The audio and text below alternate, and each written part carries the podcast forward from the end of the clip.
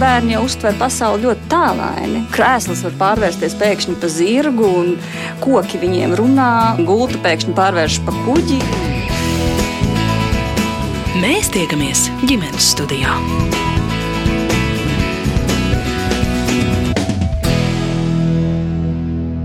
Labdien! Tagad Latvijas Lēļu teātris pēc rekonstrukcijas skatītājs atkal gaida savā vēsturiskajā ēkā Krišāņa barona ielās 16, 18, un tie ir svētki gan aktieriem un visiem Lēļu teātra darbiniekiem, gan skatītājiem.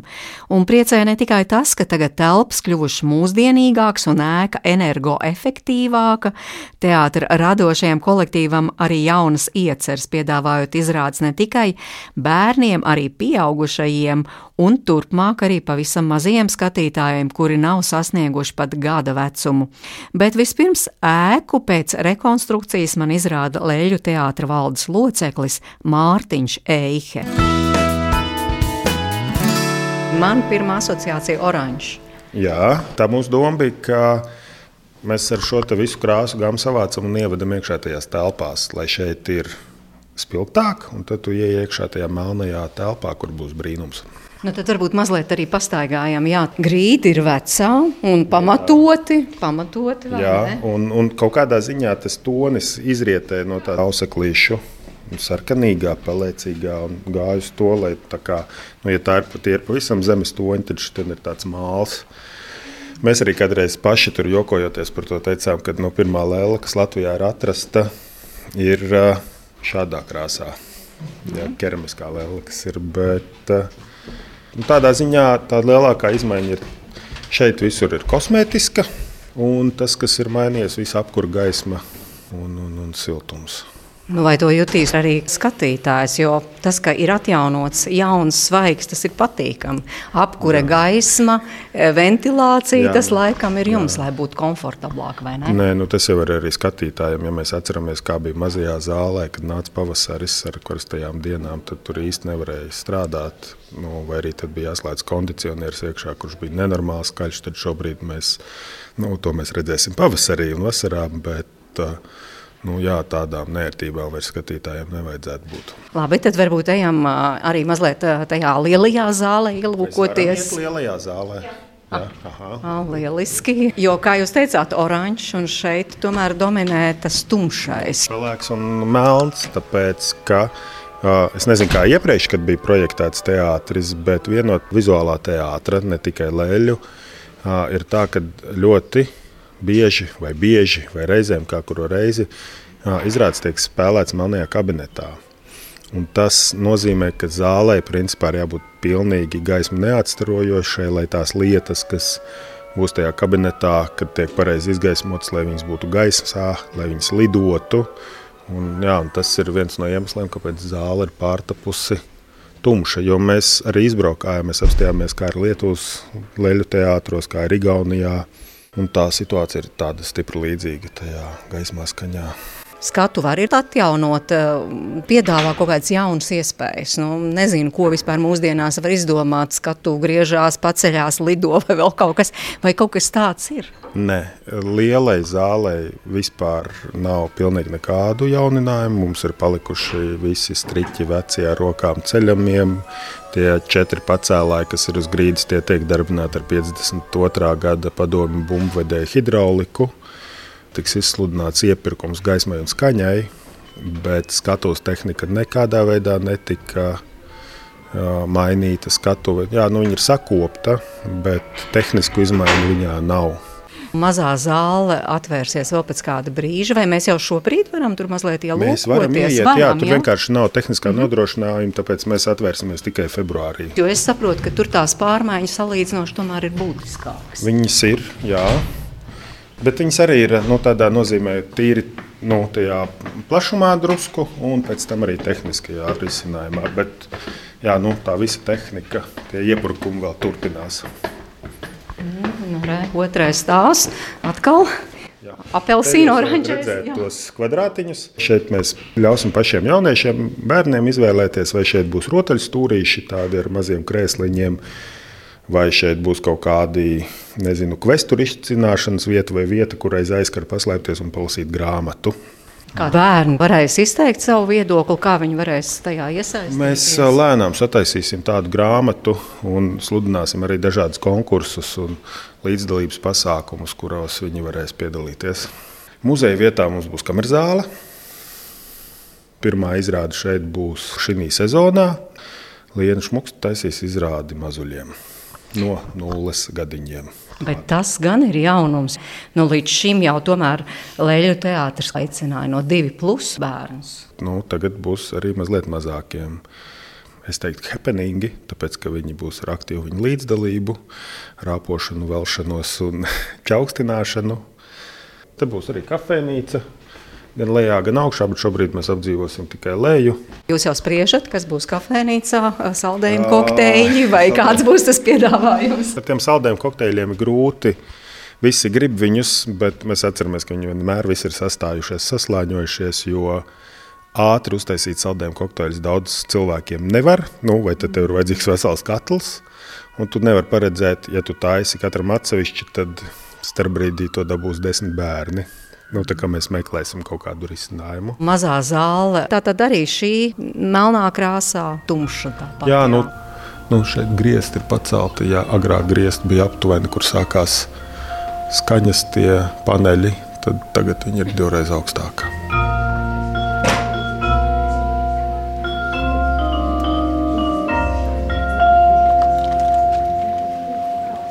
Bet nu, par repertuāru domājot, ko jūs jau gribētu iezīmēt uz priekšu? nu, es teiktu, ka nu, mūsu gadījumā jau katrs notikums ir notikums. Tādā nozīmē, ka mēs atšķirībā no lielajiem teātriem vai teātriem priekš pieaugušajiem, mēs patiešām strādājam segmentētu vecumu grupām.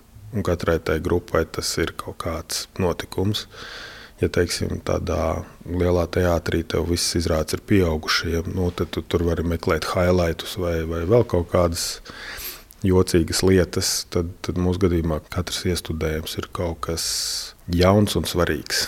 Lēļu teātris ļoti daudziem ir pirmais teātris. Ko viņi redz bērni. Un tad varbūt ir svarīgi, lai tās būtu tādas labas atmiņas. Par to jūs domājat?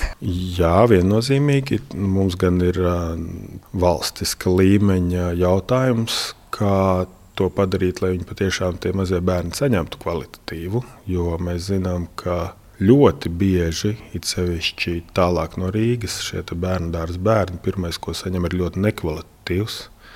Un bieži vien tieši leļu teātris ar šurmīti vienu cimdiņu un magnetofonu, kurš atskaņo kaut kādu skaņu un tekstu kas, manuprāt, ir šo bērnu dārza vadītāju un audzinātāju atbildība, lai tā nenotiktu. Bet, zinot to rocību, kāda ir cilvēkiem, to arī nevar īsti viņiem pārmest, ka viņi izvēlās šādu alternatīvu.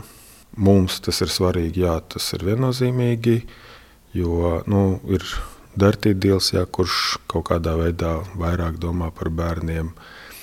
Jā, dažādos vecumos, kvadrants domā par jauniešiem un saviem vienaudžiem.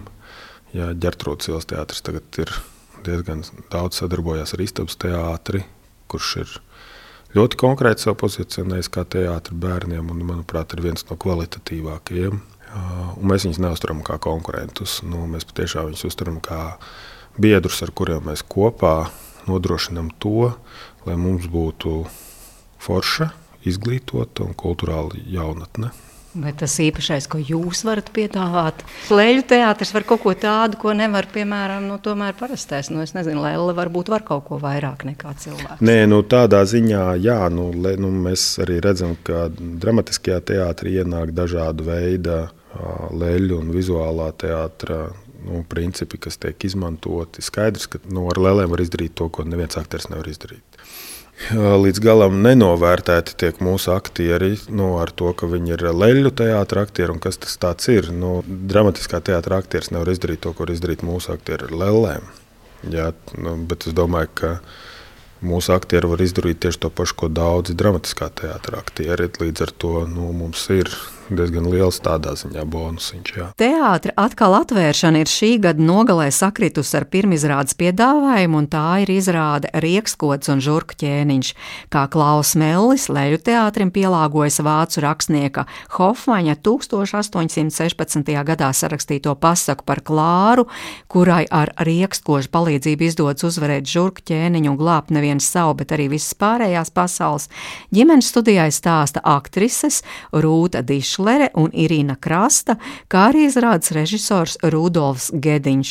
Tiekamies pirms pirmizrādes, un tas ir īpašs brīdis galvenokārt jau izrādes radītājiem. Gribās satikt skatītājus, gribās redzēt, kā viņi reaģē uz atvērto teātri un uz izrādi. Tad pirmsvētku noskaņojums, jo es nezinu, ko gaidīt, un man nav ar ko salīdzināt.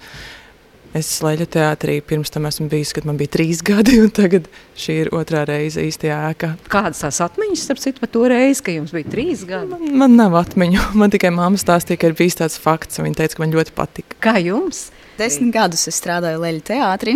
Man ir tāda sajūta, nu, tad, piemēram, kad tu gaidi ciemiņus, tu sagatavojies, tu uzkopi istabu, tu sataisi ēdienu, un tad tu gaidi, kad nāks ciemiņi. Un arī šajā gadījumā ir tas pats. Un uh, sajūta ir tāda, ka mēs esam gatavi. Mums viss ir sagatavots priekš ciemiņiem, bet uh, šeit ne tikai mēs gatavojam to, bet uh, mums ir liela komanda un uh, katrs atbildīgs par savējo. Bet izrādē mēs esam aktieri, bet man liekas, ka mēs esam gatavi uzņemt skatītājus. Ko jūs spēlēsiet? O, daudz ko. Tevocis Droselmējers, un uh, tieši šo stāstu mēs stāstam kā no tā tevoča Droselmējera. Vēl es spēlēju žurku ķēninieni. Un frici. uh, jā, bet no Droselmeijera puses, kāds ir šis stāsts? Jo tomēr ir ļoti daudz un dažādas interpretācijas par riekšskodi. Kāda tā ir šoreiz? Tā visa ir tāda iztēlē un sajūtas. Piemēram, princese Filipa vai no viņu māsas. Ja? Viņa māsai viss ir ļoti skaists, un viņa iztēlojas gan to, gan šo, bet viņš to viņas iztēli neredz to skaistāko. Priekš viņa ir viss ir sauja pelnu, sauja irde no pelnu. Kā no jūsu viedokļa, kas ir šajā stāstā tāds, nu, kas varbūt līdz šim nav akcentēts? Mm, droši vien tas, ko Irina teica, ka um, neskatoties uz to, ka stāsts ir par Ziemassvētkiem un ka viss beidzas labi, ir tomēr diezgan daudz um, tās pasaules drūmās, tumšās puses. Tas, man liekas, ir tāds, no kā varbūt bieži vien baidās, ir sevišķi, ja ir izrādi ģimenēm, ka šķiet, ka nu, par tādām lietām nevajag runāt. Bet man liekas, ka šis stāsts ir tieši piemērs, kā caur tumšo nokļūt pie gaišā. Nu, bet tas drūmais, tumšais, kas? Piemēram, žurkas biedējošas, mūrgi. Tēvots, kurš stāsta, ka pasaule nav skaista viennozīmīgi. Reizēm tās lietas tumšās mīt paši iztēlē, un nemaz nevajag tādus īstus dzīves notikumus, lai justos slikti un bēdīgi. Bet tas iet kopā ar Ziemassvētkiem, ar to Ziemassvētku noskaņu, jo tas tomēr ir nu, Ziemassvētku stāsts, Ziemassvētku pasaka, tad mēs vienmēr sakām priecīgus Ziemassvētkus, gaišus Ziemassvētkus. Jā, stāsts būs gaišs, mēs būsim gaiši, un skatuve ir ļoti bieži gaiša, un uzvarēs cerība, bet jā, es domāju, tas noteikti iet kopā, tas tāds Ziemassvētku laikā tāda sastopama lieta, ka tie nav vienmēr tikai un vienīgi priecīgi svētki. Ir gana daudz skumju un šaubu, kā nu kuram. Un tāpēc man šķiet, ka tā gaismas uzvara pār tumsu ir tāda precīza. Kā jums, Rudolf, kāpēc tieši šāda interpretācija, kā jūs kā režisors skaidrojat? Man šķiet, pašā pamatā tas liekas, bija vēl pat pirms tas bija rīkskodas izvēlēts kā materiāls. Man šķiet svarīgi runāt par to, ka nu, būt bēdīgam vai skumt ir pilnīgi normāli. Tas ir neizbēgami. Un to kā emociju nevajag noliegt, īpaši runājot ar bērniem. Man šis nevajag no tās izvairīties vai izlikties, ka tas ir slikti. Un ka šīs skumjas vai, vai bailes vai vientulība ir nu, tāda neizbēgama dzīves sastāvdaļa, un mēs viņu visu noteikti vienā vai citā brīdī piedzīvosim. Viss, ko mēs varam darīt, ir zināt, kā ar šo sajūtu rīkoties un kā atrast to gaišumu. Un, eh, nu, jā, tāpēc tas skumju un prieka tās viesmājas izrādē arī visu laiku tur mijās. Bet ir kaut viena atbilde izrādē, kā to gaišumu var atrast. Nu, tā pati būtība ir tajā, ka katram šis veids ir savs. Un arī nu, galvenā varona Klāra, ko Rūta uh, atveido viņas sākumā, kā šī problēma, tas, ka viņi varbūt nespēja rast šo veidu. Viņi dzīvo ģimenē, kurā katrs ir šo veidu atradis. Jo nu, arī runājot par pieaugušiem bērniem, mēs kā pieaugušie droši vien esam, mēs sev pazīstam, mēs šīs pasaules esam tur tik un tik uh, gadus un esam iemācījušies šo veidu atrast, bet tas noteikti nav tāds universāls nu, pieejams vai metode. Katram ir jārod savs. Un, eh, un mums, kā pieaugušajiem, audzinot savus bērnus, droši vien būtu galvenais palīdzēt viņiem atrast to savu veidu un ļaut viņiem arī meklēt un nu, maldīties.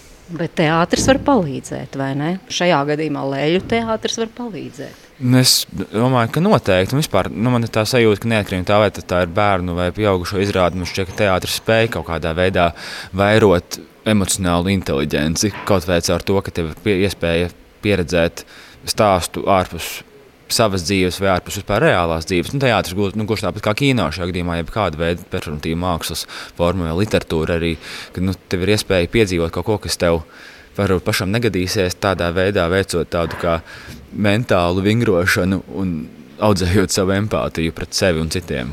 Kā jums šķiet, laba izvēle, ka tieši šī ir izrāde, ar ko Leļu teātris savās telpās atsāk darbu? Nu, es domāju, jā, un nē. Nu, skaidrs, ir, tā ir nu, sanākusi kā nejaušība, ka šī ir tā izrāde. Pēc sākotnēji jau bija plānots, ka tā būs Edgars Kaufelda izrāde, kas tomēr arī pati vairāk sižetiski un formu ziņā vēsta par pašu ēku un par pašu teātru un leļu teātru kā tādu. Bet uh, tas ir kāpēc nē, bet kāpēc jā, man šķiet, tāpēc, ka šis ir tāds. Nu, diezgan maz vērienīgs iestudējums un kaut kādā ziņā tāds svētku iestudējums. Varbūt ir jauki, ka šīs telpas tiek atklātas ko tādu lielu vērienīgu intensīvu, ar svētkiem saistītu. Piekrītu Rudolfam, ka man liekas, ka tās izrādes, kas šobrīd gaida savu telpu, man liekas, ka katra būtu gan ievērības cienīga, bet eh, tieši sakrītot ar svētku laiku, ar eh, to, ka sāksies jauns gads, es teiktu, jā, šī ir eh, īstā izrāde. Nu, materiālus mēs neizvēlamies, mēs tikai atveidotāji.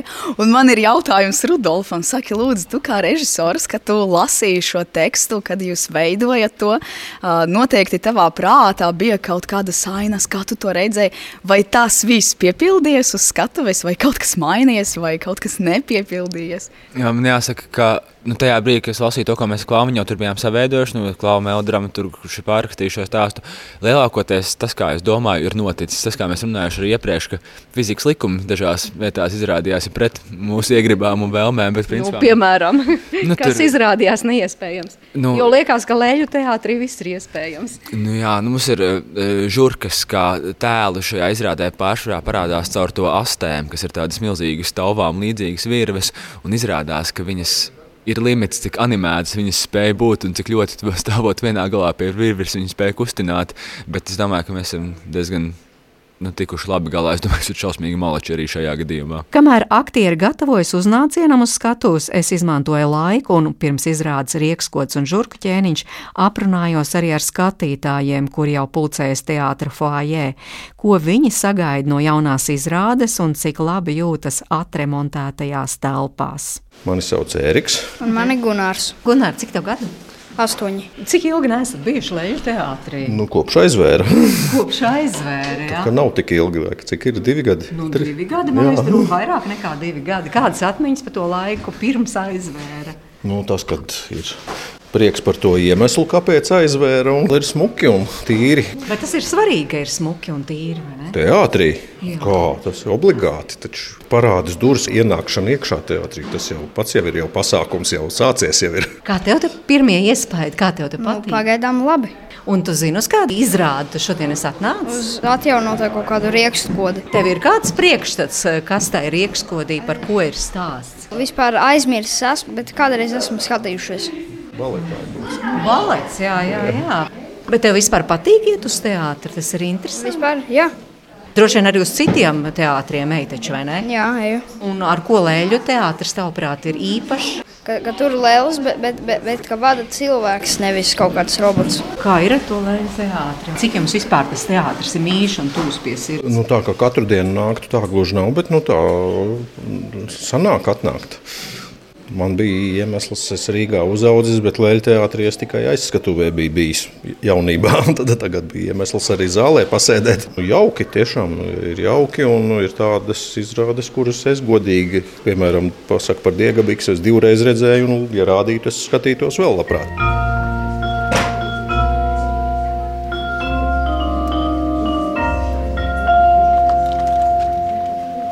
Divas meitiņas jums ir. Kā sauc? Mazmeitiņas. Mazmeitiņas, kā mazmeitiņas sauc? Mani sauc Šarlote, un viņa sauc Anna. Ir jau kādreiz būts Leļa teātrī.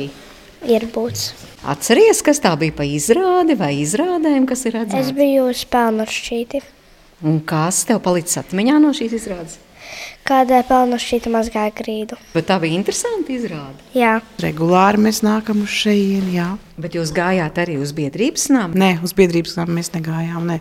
Kaut kā izslēdzās tā vieta. Vienmēr liekas, ka Lēļa teātris ir šeit, jā. Kā jums šis lēļu teātris varbūt ir kādas spilgtas atmiņas, jo kopā ar bērniem iznāk arī tiešām paskatīties tās izrādes? Vai mazbērniem šobrīd? Nu, spilgtākās jau palikušas tās izrādes, kas bija 70. un 80. gados. Pīlēns, tīms, pīfs. Arī pēlrušķīta bija. Bet tās ir izrādes, ko jūs pats Jā, skatījāties jā, jā, kā jā. bērns. Jā? Jā, jā, jā. Un tur bija ļoti, ļoti izteiksmīgas lēles, speciāli mākslinieks viņš taisīja. Īpašas tās lēles bija tagad jau tādas vienkāršākas. Nu, bet tā ir, ka, ja iepatīkas tas lēļu teātris, tad vēlāk jau grib arī uz citiem teātriem bērni iet un, un vispār kļūst par tādiem kultūras patērētājiem. Kā tas ir? Nu, ne tikai teātris, bet arī koncerti. Mēs ejam arī uz operu, un uz baletu un uz arī Nacionālo teātri. Tagad būs mazais ganiņš, uz turieni mēs iesim. Nu, tā motivācija, kāpēc? Nu, mo- motivācija ir tāda, ka daži labi arī gribētu būt par aktrisi un iet jau aktieru pulciņā. No septiņi gadi, jā. nu, kā teikt, lai izaugtu tādi inteliģentāki un, un zinošāki, un arī, lai iziet arī no ikdienas rutīnas. Jā. Un arī kādu pasaku, ko izlasa, nu, tad to arī apskatās, kā viņi var uzvest. Kas tad tevi tā ieinteresēja, ka tu gribi būt aktrisi? jo es redzēju, kā citi piedalās filmās, un es arī gribu.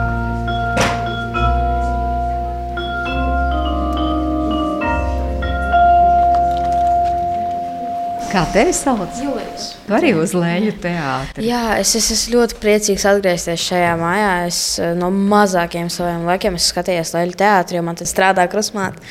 Un es skatījos ļoti daudz izrādes. Jā, man ļoti patīk teātris. Bet kuras tās spilgtākās, kas palikušas atmiņā? Man patīk krokodils gene.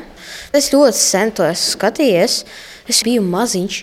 Tas, tas bija baigi labi. Es vienkārši to atceros, kā tas bija baigi labi. Kāpēc tas krokodils gēnā Man- iespiedies man atmiņā? patika visa tā atmosfēra, kas bija skatītājiem. Tā, piemēram, kad bija beigas, visa zāle vienkārši dziedāja. To vienu dziesmu visi kopā, un tas bija ļoti labi. Vienkārši teātris, atmosfēra. No visas sirds. Ko tu tagad no tā riekskoža sagaidi? Kā Es tas varētu būt? Sagaidu labas emocijas no pirmās atgriešanās šeit. Un tiešām tā nebūs pēdējā atgriešanās. Es tiešām daudz teātris skatos, un es te bieži būšu. Es pats eju uz Vīniju, uz teātris pulciņu Vīnijas, un man vienkārši viss dzīve teātris, aktieru meistri un tā tālāk. Jā, es mīlu teātri. Jā, bet nu, kas piesaista tam teātrim? Es saprotu no mazām Mm. dienām, jo esi redzējis, vērojis, bet kas tev tomēr tā kā motivē arī pašam? Vispār man visa ģimene ir ap teātri, nu, arī filmām, televīziju. Un uh, vienkārši tas, ka tu vari būt jebkas. Tu vari būt suns, vari būt piemēram govs vai kaut kas tāds. Tu vari būt, nezinu, jebkas tu vari būt teātris pasaulē. Tu neesi tu, tu neej, piemēram, uz darbu katru dienu. Tu aizmirsti to, ka tu to dari. Tu esi kaut kas cits.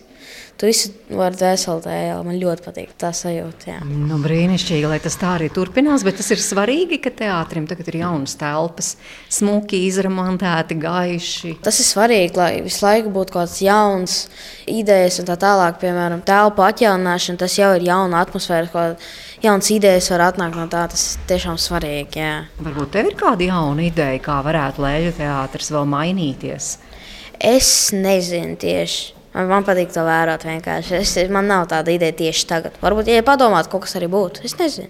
Bet no leļu teātra izaug vai neizaug? Cik tev ir šobrīd gadi? Man ir 13 gadi, es man tā skaties no kādiem 5 vai 4 gadiem. Nē, ja man pat būtu 20, es ietu skatīties, jo katrā cilvēkā iekšā ir vēl bērns, un viņš nekad no turienes neizies projām. Ja tu tikai to negribēsi no visas sirds, bet es nezinu, kurš to varētu gribēt. Jā, es tiešām nezinu. Teātris ir tas, no kā neizaug īpaši leļu. Mūsu Rīgas leļu teātris ir nenormāli labs.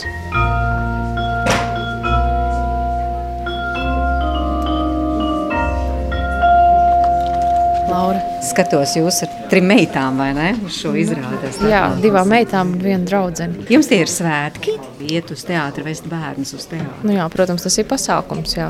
Bērniem ļoti patīk. Vismaz reizi gadā cenšamies uz leļu teātri atnākt. Jūs gājāt arī tur uz biedrības namu? Mēs bijām biedrības namā, jā. Divus gadus pēc kārtas. Tagad uz šejienes. nu, ir tā sajūta cita, ka var atkal atgriezties īstajā leļu teātrī.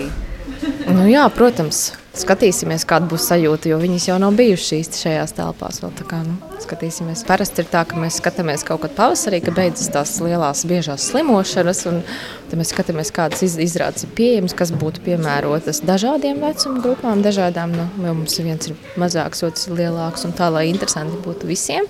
Tad mēs vēl māsītus kopā kooperējamies parasti, tas ir tāds nu, kopīgs pasākums, ko mēs tam darām esam ieviesuši un cerams arī turpināsim. Var tā atrast dažādām vecuma grupām, jo tomēr ir diezgan tā gradācija - 2, plus vai 5, plus vai 7. Plus. Nu, tas skatās jau kaut kur pa vidu parasti, bet nu, tam lieliem jau bieži vien patīk arī tās, tās mazās izrādes, mazajiem paredzētās. Pat man ir interesanti. Šoreiz gan ir 7, plus, būs mums arī 5 gadnieks. Nu, skatīsimies, gan cerams, ka nebaidīs. Tāds pēdējā laika spilgtākais piedzīvojums nāk prātā. Pirmā izrāde, teiksim, ko viņi skatījās, bija par uh, bija par sunīti un kaķīti. Neatceros īsti perfekti, bet nu, viņas bija visas starā, arī lielākas.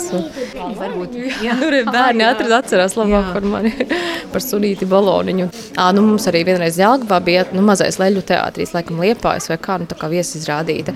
Un tad arī viņas joprojām dziedās dziesmiņas, ko tur tajā leļu teātrī dziedāja. Nu, tā kā patīk, jā, un tāpēc arī cenšamies bērnu dēļ. Tas ir arī naudas jautājums. Tomēr ģimenei jārēķinās ar kaut kādu zināmu summu. Nu, katrā ziņā jāatvēl tā summa šād, šādam pasākumam. Nu, ja no otras puses, ja paskatās, mēs aiziesim uz veikalu un mēs notērēsim vienā, vienā iepirkšanās reizē to naudu. Un tad ir dažkārt jāpadomā, kas ir vērtīgāk.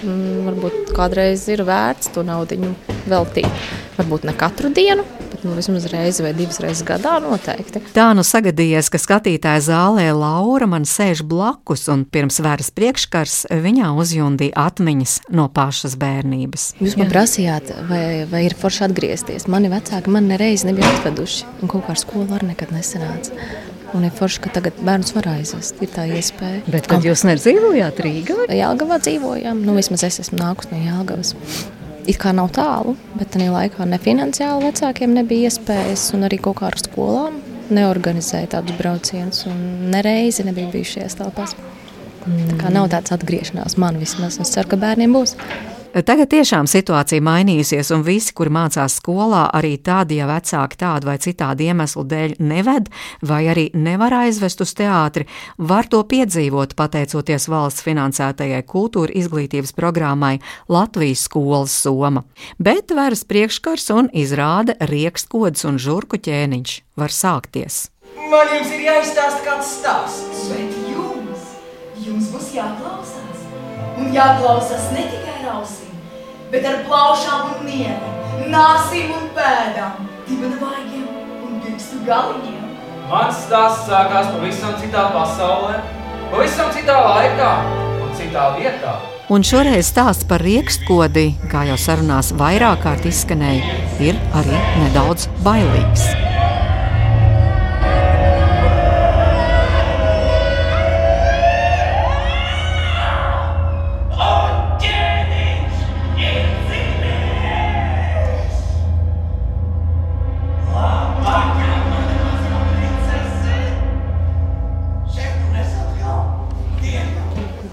Es no rādio esmu ar jums jautājumu. Jā.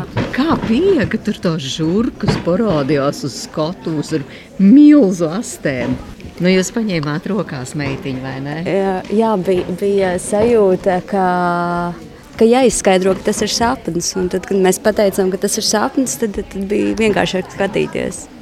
Jo tā izrāda laikam ir tiem bērniem, kam vairāk par septiņiem. Se, septiņi plus, jā. jā kā jā. jūs ejam? Alis ir mans māsas bērns. Un, uh, es atceros, man pašai bija ļoti traumatiska pirmā pieredze ar leļu teātri. Tāpēc uh, varbūt es viņai gribētu paprasīt, Alis, pastāstīt, kas tev patika vislabāk? Kas bija forši? Princis tev patika? Jā, nu, katrā ziņā māja ir galva. Bet kāpēc jūs sakāt, jums pašai bija traumatiska pieredze? Kādā Jā, ziņā? es atceros, es pirmo reizi uz Latvijas teātra biju arī viņas vecumā, četri, četros gados. Un, uh, man bija sajūta, ka lielai nemāk spēlēties ar lēlēm, tā kā mēs to mājās darām. Un es viņiem nenoticēju. Tāpēc man ir ļoti svarīgi atgriezt pašai ticību un redzēt to brīnumu. Jo es vēlos redzēt brīnumus skatuves. Jā. Tagad ir starpbrīdis, tā ir tikai pirmā daļa. Kaut kas ir no tā brīnuma, ko jūs gribat eh, sagaidīt no teātra, no leļu teātra jau īpaši. Man liekas, pa šiem gadiem ļoti mainījies ir leļu teātris un es gribētu teikt atzīmes. Jā. Tādā labā nozīmē. Absolūti, jā. jā. Tas laikam nav tikai par to, ka telpas ir izromantētas. Noteikti arī par valodu un par izteiksmes līdzekļiem. Arī, jā. Jautājums, es arī gribēju dzirdēt citu cilvēku viedokli, vai valoda nav par sarežģītu, arī 7, plus, vai šis stāsts nav par sarežģītu, un, un vai ir aktualitāte. Jā. Nu, it kā jau ir aktualitāte. Ziemassvētku stāsts un Ziemassvētki, šis svētku laiks. Bet Jā. vispār jums svētki saistās ar, ar teātrus, apmeklējumiem, ar kultūras notikumu piedzīvojumiem? Es esmu kultūras cilvēks, un tā vairāk ir mana ikdiena. Tāpēc man liekas, ir ļoti atbildīgi tieši tās pirmās izrādes, ko mēs parādām saviem mazajiem bērniem, mazbērniem, kas ir tā pirmā tikšanās ar teātri. Jā, jo tā paliek atmiņā uz visu mūžu. Man liekas, ka tas ir ļoti atbildīgs teātris apmeklējums. Tad vecākiem ļoti atbildīgi jāizvēlas tā pirmā izrāde. Es tikai domāju, kādi var būt tie kritēriji. Vai vienīgais ir, piemēram, divi plus. Es domāju, ka atbildīgi jāizvēlās, bet izlasot, protams, programmu, bet tāpat tā būs laimes spēle. Jo tā uztver, kā katrs bērns uztver, to mēs nevaram izskaidrot un paredzēt. Bet drošākā izvēle tomēr būs leļu teātris, jūsuprāt? es domāju, ka katram bērnam noteikti jā, tas ir atšķirīgi. Alis saka, vai tev mājās ir tādas pašas lēlas, kā tev uz skatuves bija? Nu, Alisa saka, nē, jā, Alisa saka, nē. Un, man liekas, viņa pavisam nedaudz nobijās no tā jā, sapņa, kas bija jā, parādīts. Bet ļoti skaisti izteiksmes līdzekļi un kostīmi un jā, pats stāsts. Jā, paldies! Skatīsimies tālāk. Skatīsimies tālāk. Jā. Kā jūs saucat? Ilze un Alise. Paldies! Starp brīdī starp skatītājiem satieku arī izrādes Riekskods un Žurkķēniņš mūzikas autori Lindu Leimani. Nu, mēs gadu, gandrīz gadu strādājam pie tās, un šķiet, ka šodien mums režisori bija pēdējā saruna, ka abi bijām priecīgi, ka tā lielā puzle ir salikta kopā. Jo šis darbs ir īpašs ar to, ka jauni eksperimentāli mākslinieki veido kontaktu ne tikai ar ar seniem laikiem, kas ir Čekovskis un kas ir Hofmanis, bet arī ar bērniem, kas ir ļoti īpaša auditorija. Tas ir mazliet kā tāds noslēpums arī starp mums, ko mēs sajūtām, uh, šī darba veidotāji, ko mēs sajūtām no publikas. No maziem bērniem. Un, un, un es esmu ļoti, ļoti mierīga un laimīga. Jo Tas bija skaists piedzīvojums. Skaists, nu, varētu teikt, gads, bet intensīvs pusgads īpaši pēdējais. Nu, bet kā var papildināt tieši mūzika šādu izrādi, bērniem domātu izrādi? Mm. Veidot šo darbu, es ļoti iedzinājos tekstā, kas ir klāva meļa. Veidots teksts pēc Hofmaņa motīviem. Un lasījām arī oriģinālu, kas patiesībā oriģināls ir diezgan šausmīgs, šausminošs, ko bērniem nevarētu lasīt priekšā. Bet, starp citu, arī izrāda, nu, pirmā puse jau ir noskatīta, bet tomēr bija bija arī tie šausminošie momenti. Jā, un, un es biju tik priecīga ka, no bērnu reakcijas, jo mums bija mazliet satraukums, kā viņi uztvers, vai visa zāle neraudās, vai vispār kāds vēl zālē paliks. Tomēr īpaši razbēnieki, mazie puiši, viņi ļoti lepojas ar to, ka viņi ne tikai nebaidījās no žurkām, bet pat varēja pasmieties tajā brīdī, kad viņas parādījās, vai ļoti dažādi bērni. Un, un, un, mans krustdēls tiešām sasmējās, bet ar tādu ļaunu prieku, ka es nebaidos, pārvarēju sevi. Jā, es domāju, tās biedējošās ainas ir ļoti svarīgas arī galvenajā tajā domā, ko šī izrāde parāda. Ka, teiksim, ka dzīve ir daudz sarežģītāka nekā pūkaina Ziemassvētku sniedziņš un, un, un, un šīs visas gaišās, naivās jaukās domas. Protams, noteiktā vecumā tas ir svarīgi šādu vidi radīt, bet ar laiku bērns augot, kļūstot pieaugušs, viņš saskars ar realitāti. Un realitāte, tā pasaule, kādā mēs dzīvojam, tā ir īsta. Un, un katrs uh, to iepazīst savā veidā, bet arī ar mākslu mēs varam jau uh, sagatavot un, un runāt un darīt to ļoti īpašā, saudzīgā veidā, iespējams. Un arī es ceru, neaizmirstamā, ka, ka bērniem arī paliks kāda īpaša sajūta tieši par šo izrādi. Ka tas nav balets Čekovskis, ko mēs varam redzēt baleta namā, bet tas ir tieši Riekskodas un Žurka ķēniņš, kas notiek Leļu teātrī tieši šajā laikā. Jā, un īpašā brīdī, jo pēc nu, tādas remonta kārtīgi, kad durvis var atkal Leļu teātrī. Jā, arī tas, un, un patiesībā jau arī globālie notikumi, es domāju, ka mēs dzīvojam ļoti uh, saspringtā pārmaiņu laikā, un teiksim, Ukraiņas notikumi, un, un tur taču ir bērni mazi, kas aug un dzird tos sprādzienus un šāvienus, un kādies dzīvo tie bērni, kur redz tādu realitāti. Mēs salīdzinoši vēl dzīvojam tādā kā pūkainā, tiešām pasaulē mierīgā. Šī izrāde arī atklāja daudz tādas um, psiholoģiskas nianses. Un, un vispār ir ļoti daudzslāņaini. Es to esmu redzējusi, to, kā tas ir izveidojis kādas 30 reizes, bet katru reizi es pamanu kaut ko jaunu un priecājos par to. Un, protams, nevar to vienā reizē visu uztvert, arī pat pieaugušais, bet tāds jau nav arī uh, mērķis. Es domāju, ka katram bērnam ir kaut kas paliek uh, atmiņā no šīs izrādes, tad uh, tas ir fantastiski.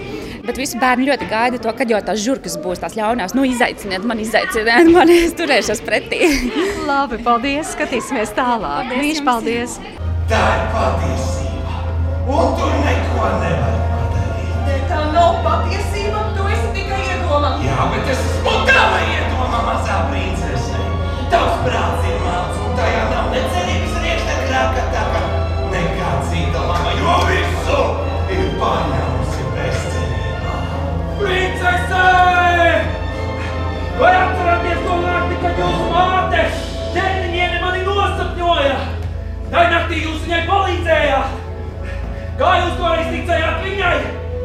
es tagad ticu jums! Ja nespējat uzvarēt uzreiz,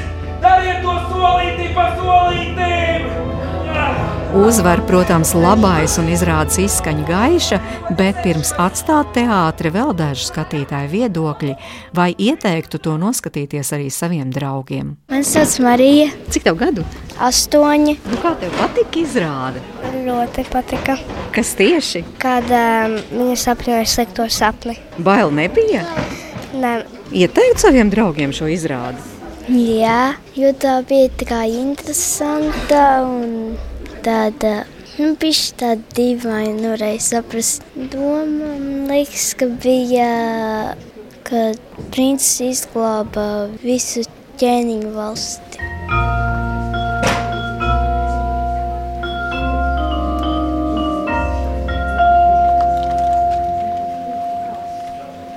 Šī bija vienkārši brīnišķīga izrāde. Es domāju, ka tā ir pareizā izrāde, lai atklātu šīs jaunas vēsienas, šī elpa, šim teātrim, leļu. Jaunai rekonstrukcijai. Tas tā, tā ir brīnišķīga izrāde. Es tā domāju, tiešām. Jā. Nu, ko tu paņēmi līdzi? Kas tev šķita tās domas, kuras te varbūt domas, raistīja es, es, izrāde? es tā domāju, ka jebkādā situācijā, cik vien slikti nebūtu, ir vi- visu laiku izēja no tās situācijas, vai ir kaut kas labs, tikai vajag pameklēt. Kā arī to riekstu vajadzēja meklēt. Bieži to vajag pašam izdomāt. Tieši tā. Mhm. Tā kā vispār tāda gaiša, lai arī it kā Tieši bija, tā, vai ne, tāda brīžiem bailīga, bet kopumā tā sajūta ir gaiša. Ļoti laba izrāde, un tieši tā viņa bija gaiša. Vienā vietā viņa ļoti spilgti skaņa, bet es visiem iesaku šī tādā paskatīties izrādi ļoti, ļoti labi. Svētkiem piestāv? Jā, Ļoti labi, ļoti labi izrāda. Jūlijus patiešām var iedvesmot aiziet uz teātri ikvienu, kuru satiek, un man šķiet, nav pat svarīgi, kas tā par izrādi. Svarīgākais, ka teātrī var notikt jebkas, un cilvēki iztēlē jau nav robežu, un ir izrādes, kuras šķiet saistošas skatītājiem jau desmitiem gadu ilgi.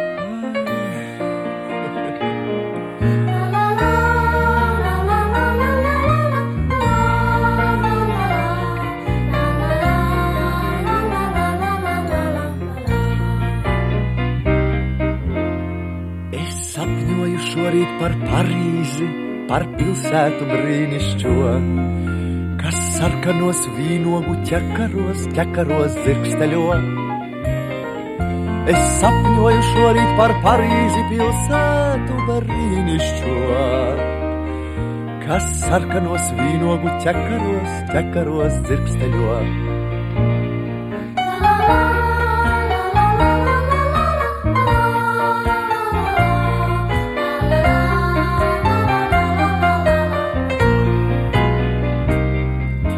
Tur Parīzē cilvēkiem ļoti mīļš un dārgs ir kāds zīmējums lēts, kur sunītis pifs, kur sunītis pifs ir uzzīmēts. Tur Parīzē cilvēkiem ļoti mīļš ir kāds zīmējums lēts, kur sunītis pifs, kur sunītis pifs ir uzzīmēts. Kad Parīzes krūtīs reiz atvērās, mazs lodziņš tad redzams bija kā Masunītis laipni ierējās Parīzes mūzikā. Kad Parīzes krūtīs reiz atvērās lociņš, tad redzams bija kā. Masunītis laipni ierējās Parīzes mūzikā.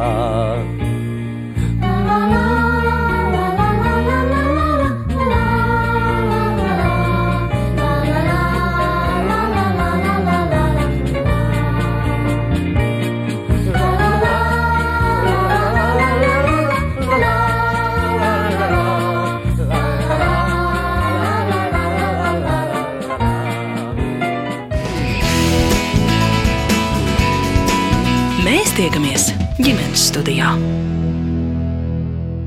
Atgādina Latvijas Lēļu teātra atgriešanās savā vēsturiskajā ēkā un pirmizrādes piedāvājums rosināja arī ģimenes studiju runāt par bērniem un teātri, un es sarunu gribu vēl paturpināt ar aktrisi, režisori, teātra mākslas pasniedzēju Rīgas Franču licejā un arī Rīgas 31. vidusskolā Anci Kukuli Sniķeri. Labdien, Ance! Labdien, Mērita! Šeit ģimenes studijā. Atceroties bērnību, atceraties to savu pirmo teātris izrādi? Redziet, eh, mani bērnībā tik daudz veda uz kultūras pasākumiem, ka patiesībā es tādu pirmo reizi laikam vairs neatceros, bet man ļoti spilgti ir iespiedušās atmiņā tādas izrādes kā Kaligula, vēl stipri patiesībā maza, uz kuru es biju, vai, vai jaunā Rīgas teātra izrādes vēl pavisam pustukšās tādā zālē, kas nav piepildīta. Tādas atmiņas man ir, jā. Tā kā eh, es teiktu, ka es neatceros pirmo reizi, bet eh, teātris man vienmēr ir bijis klātesošs. Vecāku nopelns. Vecāku nopelns nopelns, protams. Bet tās ir tādas pozitīvas atmiņas. Noteikti, jā. Kā tas bija tāds piedzīvojums, tāpat kā mēs devāmies pastaigās vai muzeju apskatos vai, vai es nezinu, kādā ekskursijā, tāpat mēs devāmies uz teātri un koncertiem. Bet tagad, skatoties un ņemot vērā savu pieredzi, tad, ja vecāki ir tik aktīvi, ved bērnus kultūras pasākumiem, nu tad pilnīgi notiek tā, ka arī pieaugot, nu, vai ar teātri, vai ar kultūras notikumiem, cilvēks ir uz tu. Jā, un tas, manuprāt, bagātina to redzējumu, to redzeslauku, kā mēs vispār skatāmies uz pasauli, jo tas mākslas darbs jau vienalga kādas mākslas nozares mākslas darbs tas ir, tas piedāvā kaut kādu jaunu skatu punktu. Man liekas, tas ir svarīgi. Un tas pat nav jāakcentē bērnam, viņu vedot uz kultūras pasākumiem, bet tas vienkārši bērnam pieaugot, sāk parādīties viņa inteligencē, viņa izpratnē. Reizēm saka tieši par emocionālo inteligenci. Ka tas vairo tā teikt emocionālo inteliģenci. Ļoti iespējams, bet noteikti tieši apgūstot teātra mākslu, tas gan noteikti ir ieguldījums emocionālās inteliģences attīstībā. Mēs noteikti parunāsim arī par to, kā šobrīd bērni apgūst teātra mākslu, bet vēl domājot par tiem bērniem, kurus vecāki ved uz teātri. Kā jūs vispār vērtējat, pasakojat līdzi, kāds šobrīd ir piedāvājums bērniem tieši teātrī? Protams, protams, tas jau viens no maniem pienākumiem arī ir apskatīties, jo man ir svarīgi integrēt šos mākslas darbus arī mācību procesā. Piemēram, pagājušo gadu mēs esam lūguši pie mums ciemoties Villa teātri, ar viņiem ir ļoti brīnišķīga izrāda tieši ļoti labam vecumposmam, septītai klasē, pilna slodze. Tas ir ļoti svarīgi, ka viņi nevis tikai tur man teātru stundās spēlē etīdes vai izdomā, kā varētu kaut ko darīt vai apgūst šos teātru instrumentus, bet viņi redz reālu piemēru, kas viņus aizrauj. Un ir svarīgs tas aizraušanas brīdis, jo tad bērni saprot, kāpēc viņiem tas vispār ir jāmācās. Jo tā patiesībā ir liela cīņa. Es ļoti daudz atbildu uz jautājumu gan no vecāku puses, gan no uh, bērnu puses, kāpēc man šis ir vajadzīgs. Bet uh, šobrīd arī skolās māca teātri. Varbūt paraksturojiet, kā tas notiek. Kas es tas ir? gribētu pirmkārt mazliet definēt tās robežas, jo pirmkārt es gribētu pateikt, ka teātra mākslā kā mācību priekšmetā neviens neaudzina aktierus. To ir ļoti svarīgi saprast, jo es jūtu, ka dažkārt tas pārpratums saziņā ar nu, vecākiem vai pašiem bērniem ir tieši man tas neinteresē. Es uh, negribu būt aktieris, bet ir svarīgi apzināties, ka tas, ko teātris māksla uh, bērniem piešķir nu, vai attīsta, tā ir tāds, tādas prasmes kā iztēle, runa, asociatīvā domāšana. Tas nav tikai par uh, izpratni par mākslu vai par izpratni par kultūru, tas ir par kritisko domāšanu, analītisko domāšanu, tas ir par spēju reaģēt. Tas, uh, kas, manuprāt, atšķir labu speciālistu no izcila speciālista dzīvē.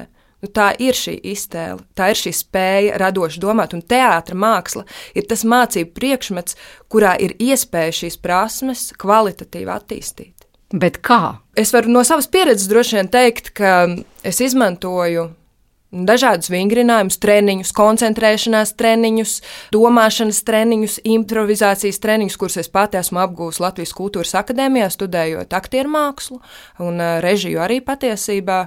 Daudz vingrinājumu nāk tieši no tā maģistru studiju laika, jau īpaši strādājot ar vecākiem audzēkņiem mēs veidojam dažādus grupu darbus, kuru rezultātā bērni sāk, viņi paši man dažkārt ir pat pateikuši, un, ka paldies, jo viņi saprot, ka viņiem ir jauni instrumenti, kā izteikt savu viedokli. Un ka nevienmēr tam ir jābūt mutiskam, ka tas var būt teātris mākslas valodā, vizuālās mākslas valodā, mūzikas valodā. Ja? Viņiem iesakņojās, tā kā atverās tāda jauna prizma, ka mēs varam arī šādi. Un tas ir tieši šo vingrinājumu kompleksa rezultāts. Un man pat ir uh, zēni, kas uh, septembrī man saka, oi, negribam mēs to darīt. Uh, tur mazliet tādas pauž savu viedokli, ka viņi nevēlas to darīt. Un jau janvārī skatos ar kādu deksmi, viņa mētās spēlēt etīdes vai izdomāt etīžu saturu vai dažādos vingrinājumos. Jo tā ir tāda spēle, tā ir spēlēšanās ar. Um, cilvēku iespējām, ko mēs varam, ko mēs spējam.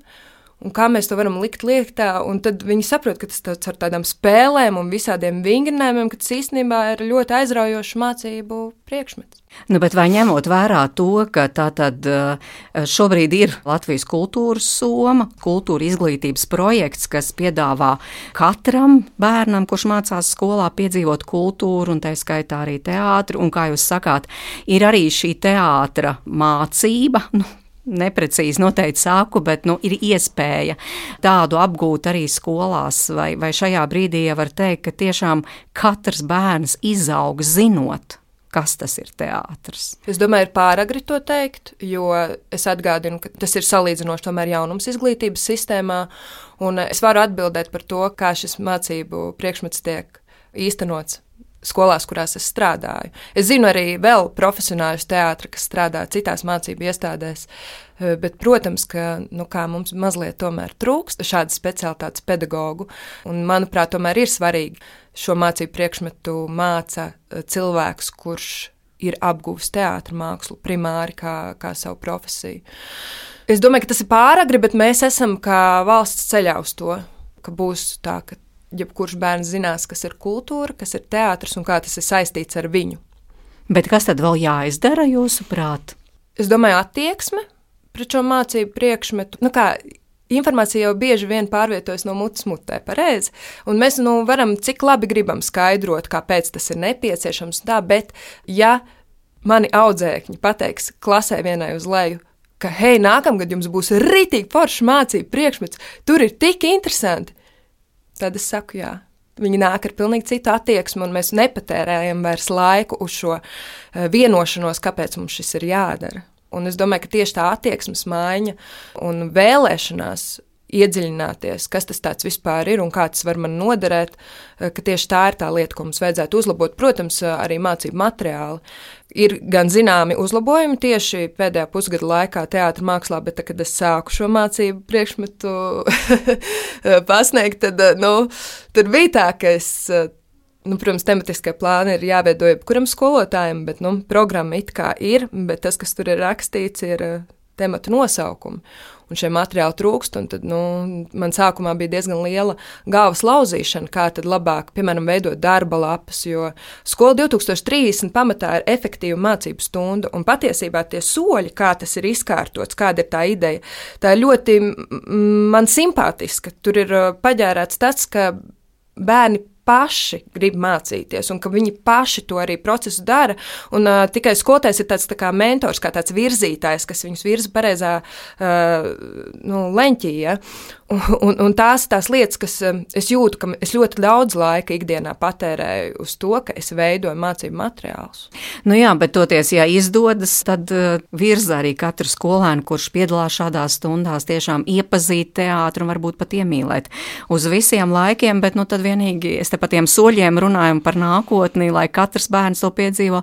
Droši vien, ka varētu būt arī nu, tās vēlējums, lai katrā skolā būtu šāds mācību priekšmets. Patiesībā tas ir obligāts mācību priekšmets pēc jaunā satura. Tāpēc es pieņemu, ka šobrīd jau nu gan visās skolās un mācību iestādēs šis priekšmets tiek realizēts.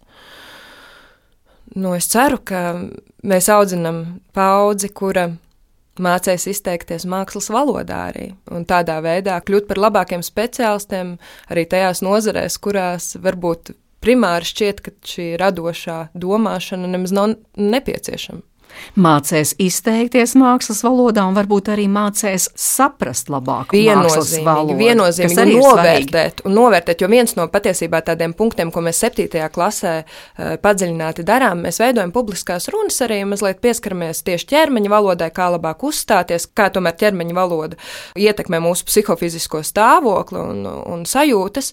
Un tur mums patiesībā viens no uzdevumiem ir, ka mēs noskatāmies kādu teātris izrādi, un analizējam. Lai nav tikai tas, man patika vai man nepatika, kāpēc mums ir radušās šīs sajūtas, ka mums patīk vai nepatīk. Un tad uh, objektīvi paskatīties, vai tā ir aktieru spēle, vai tas ir stāsts, vai tas ir nezinu, kāds vizuāls risinājums, kas nav vai ir uzrunājis. Manuprāt, tas ļoti svarīgi, ka mēs audzinām jauniešus, kuri spēj objektīvi paskatīties, aiziet uz teātru un saprast, hmm, nu, kaut kas man te laikam nepatīk, bet kāpēc? Un viņi uzdos sev šo jautājumu, un iespējams tā kļūs nu, par tādiem spriest spējīgākiem cilvēkiem. nu, lai izdodas, tiešām, lai izdodas, paldies par šo sarunu. Es saku aktrisē, režisorē, arī teātra mākslas pasniedzēja Rīgas Franču licejā un arī Rīgas 31. vidusskolā Ancei Kukulei Sniķerei. Paldies, ka atnācāt šeit uz ģimenes studiju. Ģimenes studijas producente Liena Vimba pie ierakstu pults strādā Nora Mitspapa un man sauc Mairidz Notiņu. Un šajā svētku laikā tiešām atliek tikai visiem novēlēt. Rast iespēju aizvest eh, savējos, savus bērnus uz teātri, piedzīvot kādu kultūras notikumu, un kā tai izskanēja, tas veido cilvēkus gan radošākus, gan spriest spējīgākus, vairo emocionālo inteliģenci un ko tik vēl ne. Paldies, ka klausījāties uz tikšanos citā ģimenes studijā, lai joprojām mierīgi un skaisti Ziemassvētki jūsu mājās. ģimenes studija.